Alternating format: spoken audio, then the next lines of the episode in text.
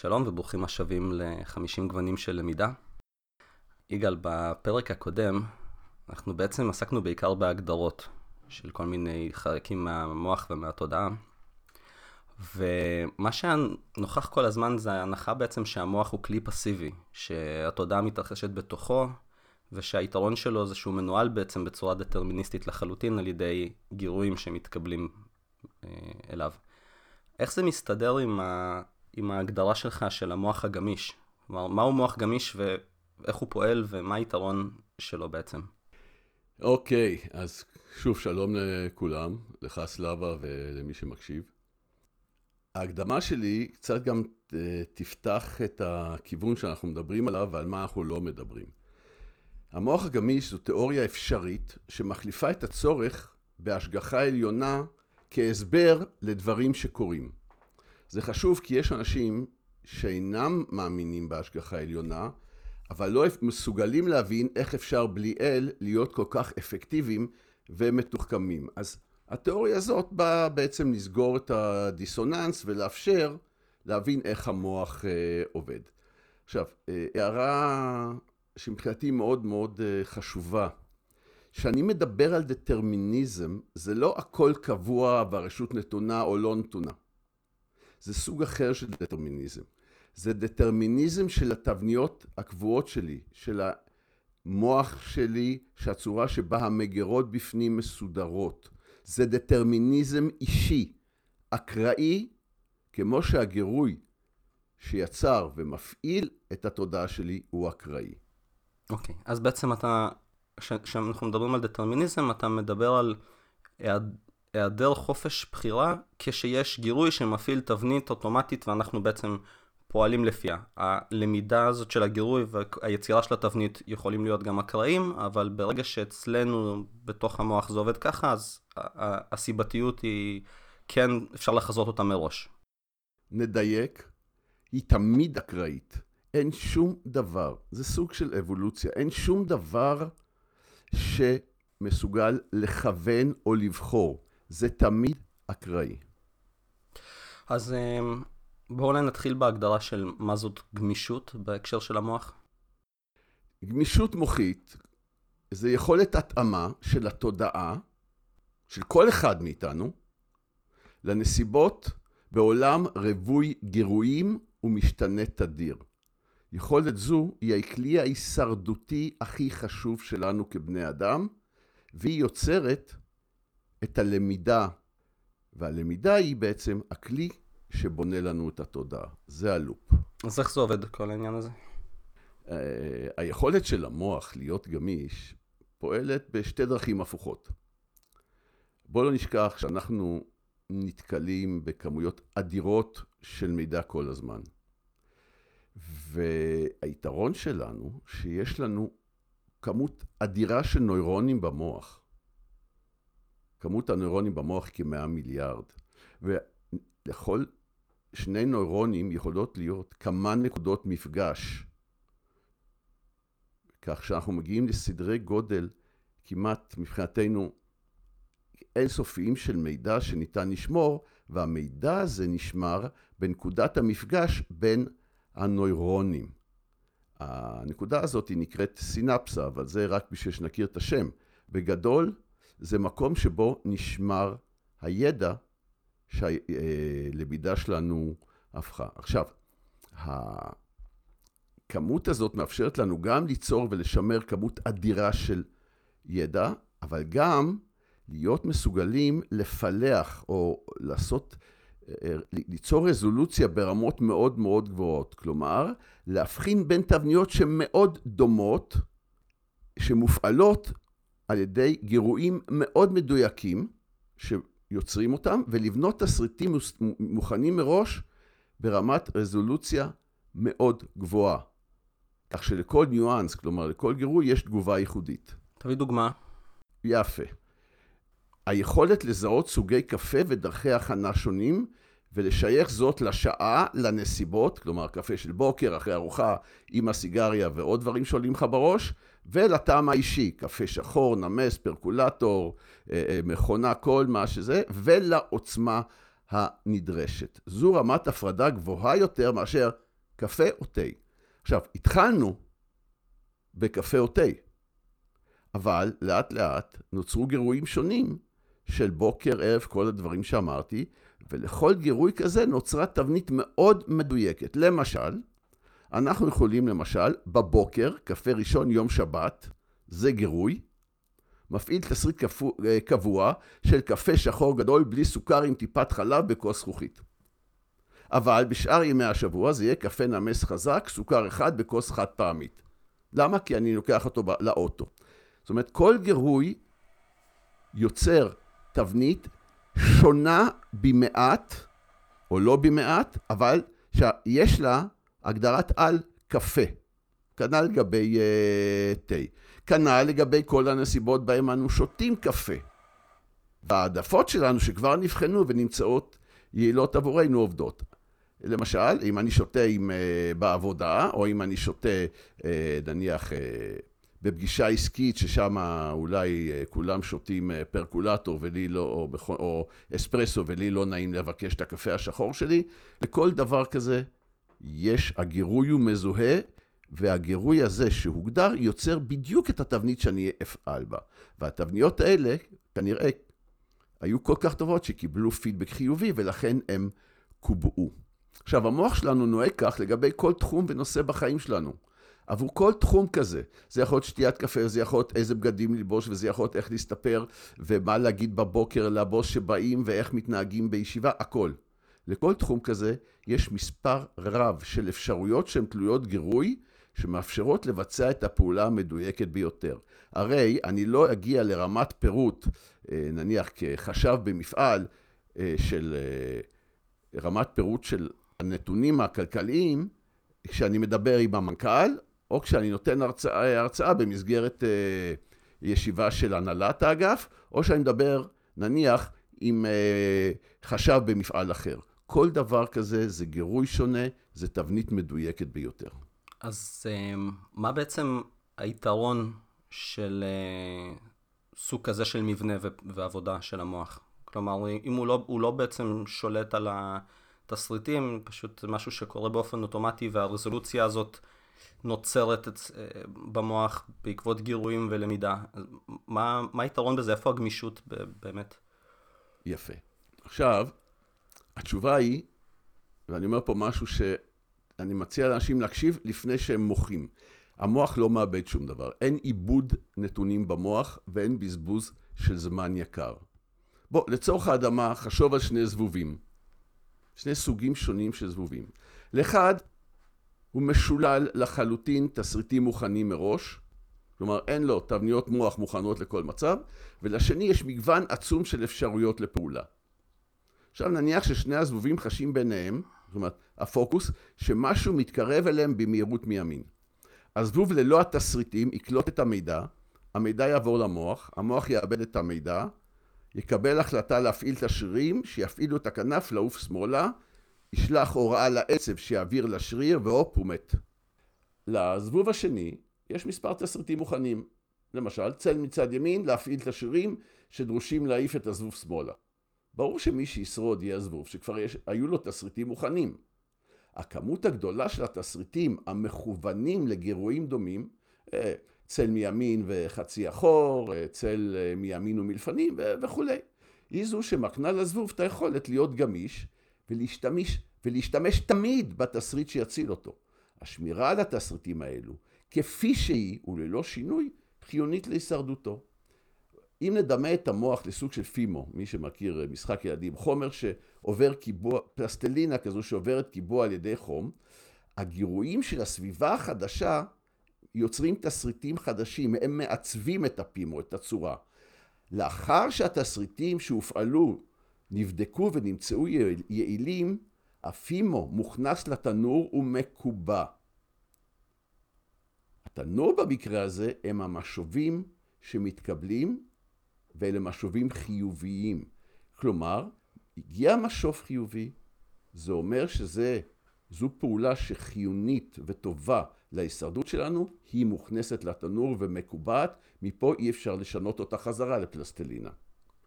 התסריט הוא רפלקס שפועל תמיד באותה דרך עבור אותו גירוי.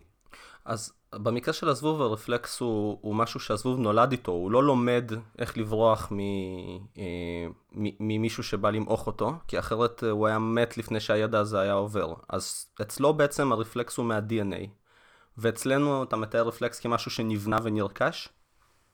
לחלוטין.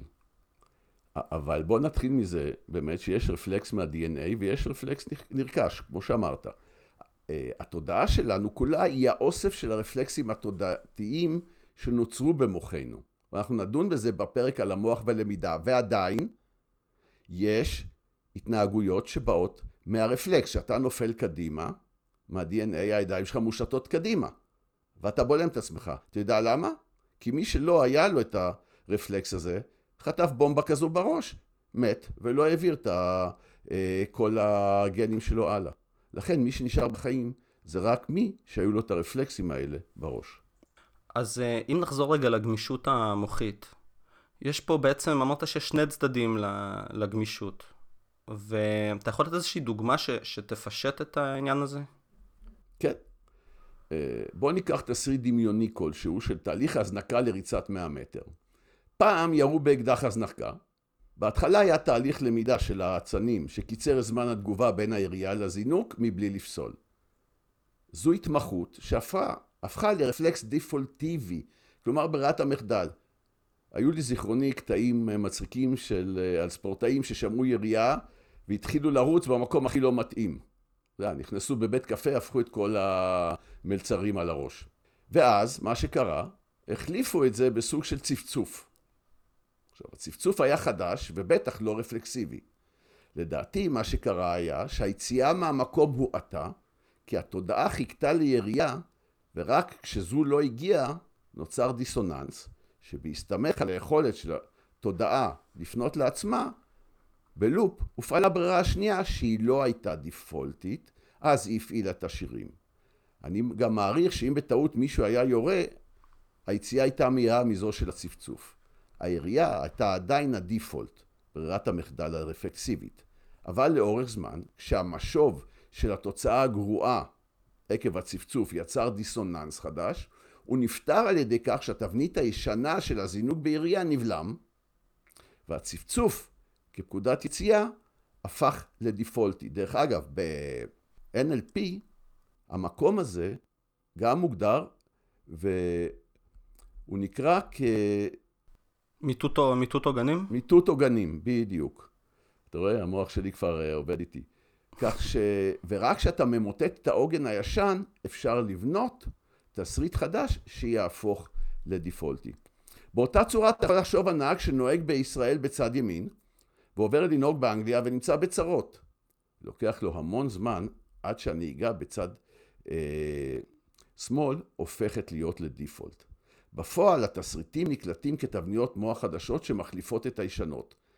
זהו תהליך משנה תודעה שנקרא טרנספורמציה. נקודה מאוד עקרונית בגישה שאני מדבר עליה.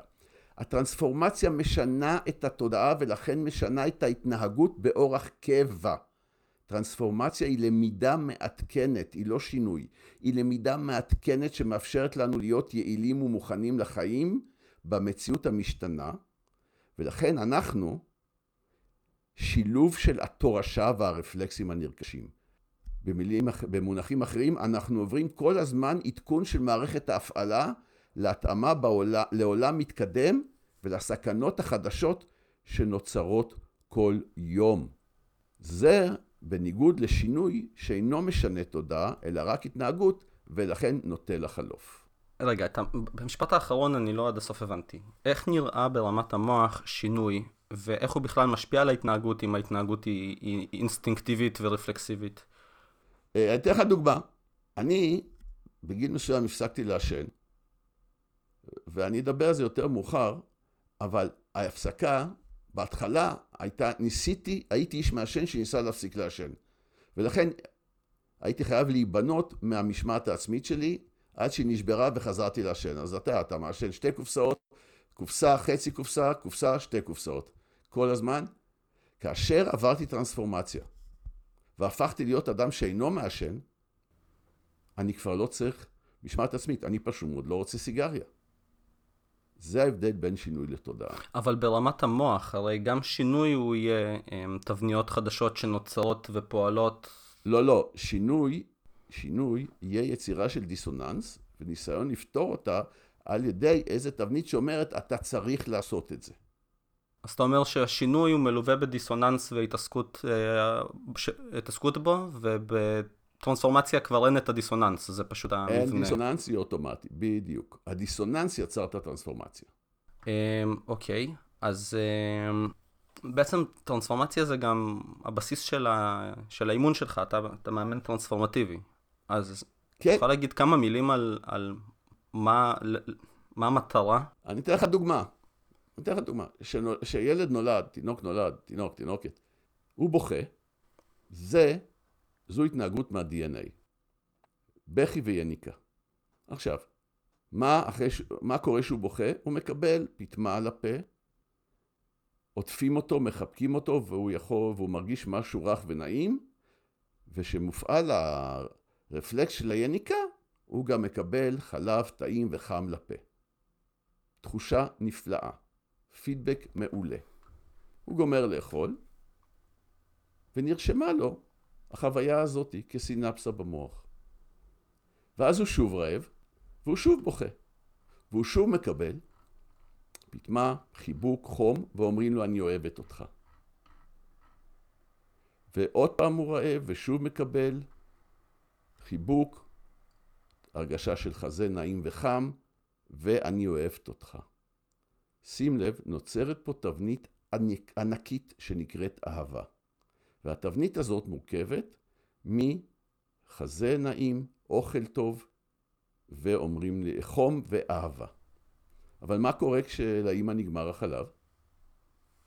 אי אפשר להסביר את זה לילד, נכון? אי אפשר להגיד לו, בוא, תעשה שינוי קטן, תנסה. זה לא עובד. לכן, חייבים לעבור טרנספורמציה. זה הדרך של התורשה ללמד אותנו איך לעבור. הילד פשוט נסע רעב. וכשהוא מספיק רעב, הוא ייקח בקבוק, למרות שהוא לא אוהב את הפטמה הקרה או הקשה או כל דבר אחר.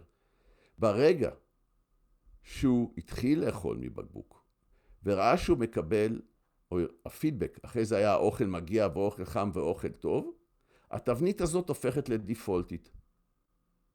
ועכשיו הוא ילד שיונק מבקבוק ולא מהאם.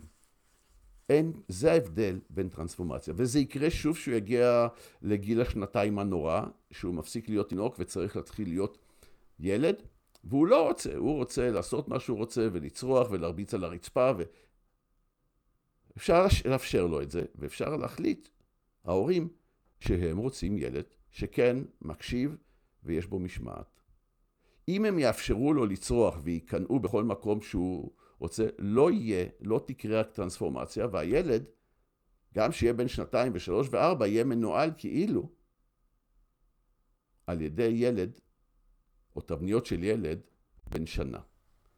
אם ההורים מקפידים על זה, ודואגים שהוא כן יעשה מה שצריך, נקרא לזה הכאב שנוצר כתוצאה מכך, בולם, ממוטט את העוגן של התבנית הקודמת, ובונה עוגנים חדשים שצריך לחכות לאבא וצריך לעשות דברים וכולי. כשהתבנית הזאת, הישנה נבלמת, יש מקום ליצור תבנית חדשה, ובמשך הזמן היא הופכת לדיפולטית, והיא תשתנה שוב למשל בגיל, בגיל ההתבגרות, ששם הילד כבר מתחיל להידרש להתנהגויות של מבוגר, והוא לא רוצה, למה לא? למה לא לקחת אחריות? למה לא להיות מחויב? הוא לא רוצה את זה, אי אפשר להסביר לו. המקום היחיד הוא פשוט להתעקש על התנהגויות חליפיות, לח... אה, לתת בונוס ופרסים להתנהגויות הטובות, ואם יש, ואם יש סירוב והמשך של התנהגויות ישנות שהן פוגמות בתהליך של הטרנספורמציה, כן, יש מקום להפעיל עוצמה. וככה נבנית משמעת. אוקיי. אז שזה בעצם אה, מי שמהמאזינים שהתחיל מה, מהפרקים האלה, יש לנו גם אה, פר, כמה פרקים על משמעת בתחילת הפודקאסט, אז אה, אתם מוזמנים אה, לבוא ולהרחיב שם את הנושא. שאלה אחרונה לגבי זה, יגאל, נשמע כאילו יש איזשהו קונפליקט שאנחנו נולדים איתו בין, אה, בין הרפלקסים מה-DNA אה, לבין אלו שאנחנו צריכים לבנות כתוצאה מהעולם שהשתנה מאז האבולוציה שלנו בקצב מאוד מהיר. עד כמה, עד כמה אתה רואה באמת את ההתנגשות בין התבניות ה... מה-DNA לאלו שמתאימות היום לחברה, לתרבות, ל... אמ, לעולם שהשתנה מאוד מהר בפרק זמן מאוד קצר יחסית להיסטוריה האנושית. אז בעצם הרבה פעמים אנחנו צריכים להשתמש באנושיות שלנו, בחלק של הגמישות של הלמידה, כדי, אה, כדי לא להיות פרימיטיביים, נקרא לזה ככה. כמה אתה רואה את ההתנגשות הזאת ומתי איזה חלק מנצח בדרך כלל? הופה, שאלה מדהימה שמאלצת אותי לעבור להגדרה שהיא תהיה קצת קונטרוברסלית ואני אומר את זה כבר מראש, לכן אנא תקשיבו עד הסוף. אין התנגשות בין ה-DNA לבין התבניות המוחיות הנרכשות. זה פשוט מאוד רצף, שני רצפים שונים שאחד מתחיל שהשני נגמר. הלמידה יוצרת סוג של DNA אבל של ידע. כלומר, אם דיברנו על ידע כאפשרות להתמודד עם האתמול, אבל אנחנו נעצרנו במקום שבו האבולוציה הביאה אותנו, שהוא גם המקום הכי טוב, אבל הוא נכון ליום, ה... ליום שבו נולדנו, או אפילו תשעה חודשים קודם. אם נישאר במקום שבו נולדנו, בעולם משתנה, ברור שאנחנו לא נהיה מסוגלים להתמודד. כלומר, אנחנו מדברים פה על שתי אבולוציות שפועלות בו על פי אותם עקרונות של אקראיות, כשאחת מהן מגדירה את הצד הגופני, צורה, יכולת, גובה וכולי, והשנייה יוצרת את אותם תבניות, נקרא להם גנים, רק במקום גן, במקרה הזה זה תהיה סינפסה, והסינפסה היא זו שמאפשרת לנו להתאים את עצמנו בכל רגע נתון. מילים אחרות, מי שאנחנו בכל מצב נתון הוא מי שאנחנו מהאבולוציה הגופנית, פלוס כל הידע שנוצר כתוצאה מהאבולוציה של הידע. ולאבולוציה של הידע קוראים למידה. אז אתה אומר שאין התנגשות? זה אומר שאם אה, אה, התרבות או הסביבה דוחפים או מניעים אדם לעשות משהו שהוא מאוד נוגד במרכאות את הטבע שלו. אני יכול לחשוב על כמה וכמה דוגמאות, אבל... למה אתה מתכוון בטבע? להרגשה או, או ל-DNA שלו? נתייחס uh, להתנהגות, נתייחס, נתייחס לדוגמה שאתה העלית, נגיד, אתה אומר שלהושיט את הידיים קדימה כשאתה בא ליפול על הפנים, זה אינסטינקט כביכול, זה רפלקס שהוא מה-DNA. אבל אם בן אדם יצטרך לצורך, לא יודע, מופע קרקס, ליפול על הפנים קדימה, אז הוא, הוא יכול לעקוף את זה. זה לא שהידיים שלו יישלחו בכל זה, אופן. זה לא אינטואיטיבי. אני אתן לך דוגמה אחרת. אם אדם יעבור לגור כל החיים במעבורת חלל. עכשיו, הרפלקס הזה של לשים ידיים קדימה כדי לא ליפול, הוא לא רלוונטי. אבל מה כן רלוונטי? לשים את הידיים לצדדים כדי לא לעוף לכל מיני מקומות. מה שיקרה שבמשך הזמן הוא ילמד שכאשר הוא נופל, הוא מושיט ידיים לצדדים, בשביל לתפוס ממשהו. וגם אז, אם אחרי 20 שנה יחזור כדור הארץ והוא יתחיל ליפול, הוא כנראה ישיט את הידיים הצידה ויפול על האף. אז איפה, אבל איפה עובר, השאלה שלי זה איפה עובר הגבול. איפה אנחנו יכולים לזהות מקומות שבהם אנחנו לא יכולים למוטט את עוגני הטבע ולעקוף את, ה, את, ה, את האינסטינקטים? אין זיהוי. אם יש אירוע ונוצר גירוי ש... שהתוצאה שלו היא פידבק שלילי, אז אנחנו מנס... המוח אוטומטית, התודעה מנסה להוסיף אה, מרכיב ידע חדש שיעזור לה. לא תמיד אפשר. אבל הוא, הוא יכול, נגיד, אני שמעתי כל אני מיני... לא אוכל לעוף, גם אם אני אצטרך. לא, בסדר, לא לעוף, אבל נגיד, אה, אם יש חלקים שמניעים אותנו, שנמצאים באיזה מוח לטאה פרימיטיבי יותר או משהו, האם יש לנו גישה לחיווט מחדש בכל הרבדים, או שיש דברים שפשוט יפעלו, ויפעלו לא משנה כמה נלמד ואיזה פידבקים נקבל, ואין לנו דרך לעקוף אותם. כלומר, האם יש, יש טבע אנושי שמשפיע על רגשות והתנהגות שאין לנו איך אפילו לעקוף אותו גם בסביבה שמלמדת? תראה, אני מנסה להיות מאוד מדויק. כל מה שנמצא במוח הלטאה, הם הדברים הבסיסיים שהוכיחו את עצמם לאורך שנים. כדי לשנות אותם, צריך להיות כאב גדול מאוד שנובע מהקיום שלהם. אתה מבין? מהמם. קשה לי לחשוב כרגע על משהו שיהיה כל כך כואב מהמשך הקיום של הרפלקסים שבאים מה, מהמוח של הלטאה. אם זה יקרה, כמו שאמרתי לך, עם נפילה קדימה, כנראה שהלמידה תיצור overruling על התהליך ההוא.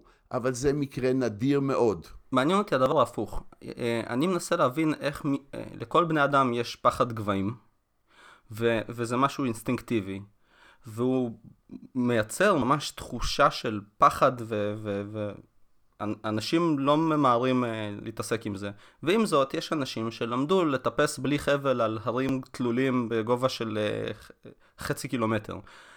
אז, אז מה קורה שם? איך מישהו יכול לבוא ולעקוף דבר כל כך בסיסי ופונדמנטלי כמו פחד גבהים, שכל הקופים אה, שבכל שרשרת האבולוציה שלנו פיתחו במשך אה, מאות אלפי שנים, ופה הבן אדם הזה אומר, אוקיי, אני מפחד עכשיו, אבל אני יכול להתגבר על זה. איך, איך זה קורה ברמת התודעה? הדברים האלה. אוקיי, אנחנו, אנחנו קצת סוטים, אני אתן את זה בבולטים, מהמם. אנחנו קצת סוטים, ואני אסביר לך מה יקרה, מה קורה פה. פחד גבהים הוא לא מורש. הוא לא ב-DNA. מה שיש ב-DNA זה מצב של גובה שיוצר דיסוננס, וצריך לפעול ויכול ליצור חרדה. חרדה, אמרנו, זה משהו לא נלמד, אלא זה אה, חוסר איזון בגוף, ו-FFF. ואז התחושה היא של פחד של. וכולי. זה לא התנהגות הפחד, אלא זה תחושה של החרדה שנוצרה כתוצאה מהדיסוננס הזה, שאם אתה מצב גבוה, יש בעיה. אבל, מה שקורה פה, זה שאם מגיל קטן, אדם גר במקום גבוה, ולאט לאט הוא מתרגל לכך שמקום גבוה, הוא חי שם ולא קורה כלום, כל עוד מישהו לא יגיד לו, תשמע, אתה יכול ליפול, הנושא של ליפול לא יעלה אצלו בתודעה, ולא יגרום דיסוננס שיכול להפיל אותו. אתה יודע, ילד נופל, בדרך כלל שאומרים לו תיזהר, אתה יכול ליפול, כי האמירה הזאת יוצרת את הנפילה אצלו במוח, מה שקודם לא היה, ואני יכול, אני חושב שסיפרתי כבר על הנכדה שלי, בת החמש, שנפלה, ניסתה להוריד משהו, איזה פרח מעץ ונפלה, לא נפגעה, ואחרי כמה ימים היא אמרה לאימא שלה בבוקר, שים לב, אחרי שעה, את יודעת למה נפלתי? כי כשטיפסתי עברה שם אישה ואמרה לי שאני יכולה ליפול. באותו רגע הרגשתי בבטן שאני נופלת ונפלתי. האישה היא יצרה לה מציאות של נפילה, עד אז היא לא הייתה קיימת. האם זה נותן לך איזושהי תשובה? כן, אבל אתה יכול להביא לי דוגמה למשהו שאנחנו נולדים איתו, שמשפיע מאוד חזק ורגשי, או מייצר אצלנו פחד, ושאנשים כן הצליחו או לא הצליחו לעקוף ב- ו- ולכוות את עצמם מחדש. כי אם, אם, הדוגמה שאני הבאתי של פחד גבוהים היא לא טובה, כן מעניין אותי לבחון דוגמה שבה אנחנו נולדים עם משהו שהוא מאוד בסיסי אצלנו במוח. למשל, פחד מאש, בשריפה, שתהיה שריפה ביער, אתה לא לומד את זה. א', כי אין לך הרבה... אתה לא מתרגל את זה, זה לא מצב שאתה חי בו כל הזמן. אתה תיכנס לחרדה, אתה תרוץ כמו מטורף, ואם יהיה תהום, אתה תיפול לתהום. יהיו כאלה שישכבו על הרצפה, כי הם יהיו בפריז, וישרפו איפה שהם נפלו, ויהיה כאלה שלא יודע, יעטפו את עצמם במיליון דברים, יגידו, אני רץ נגד האש שאני נלחם בה. זה, אתה מדבר פה על מקומות שלא יכולה להיות למידה, כי כל אירוע כזה בעצם אולי חיסל את מי שניסה להתמודד.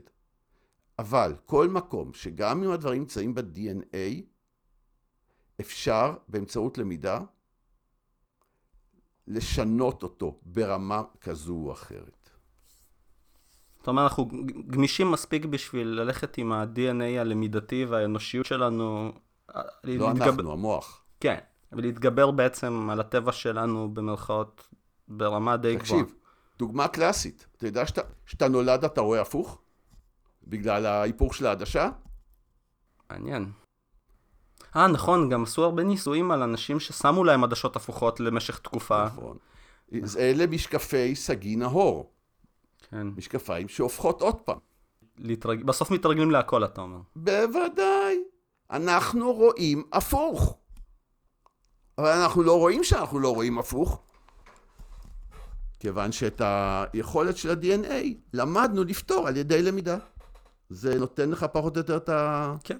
זה נשמע, זה נשמע מקום טוב אה, אה, לסיים את הפרק הזה, ואת החלק הזה. בחלק הבא אנחנו נדבר פחות על התיאוריה ויותר על הפרקטיקה, על איך זה באמת משפיע עלינו בחיי היום-יום, ועל איך נראה טיפול טרנספורמטיבי בעצם, או אמנויות למידה. אה, אז אה, נשתמע. להשתמע. ביי, ביי לכולם.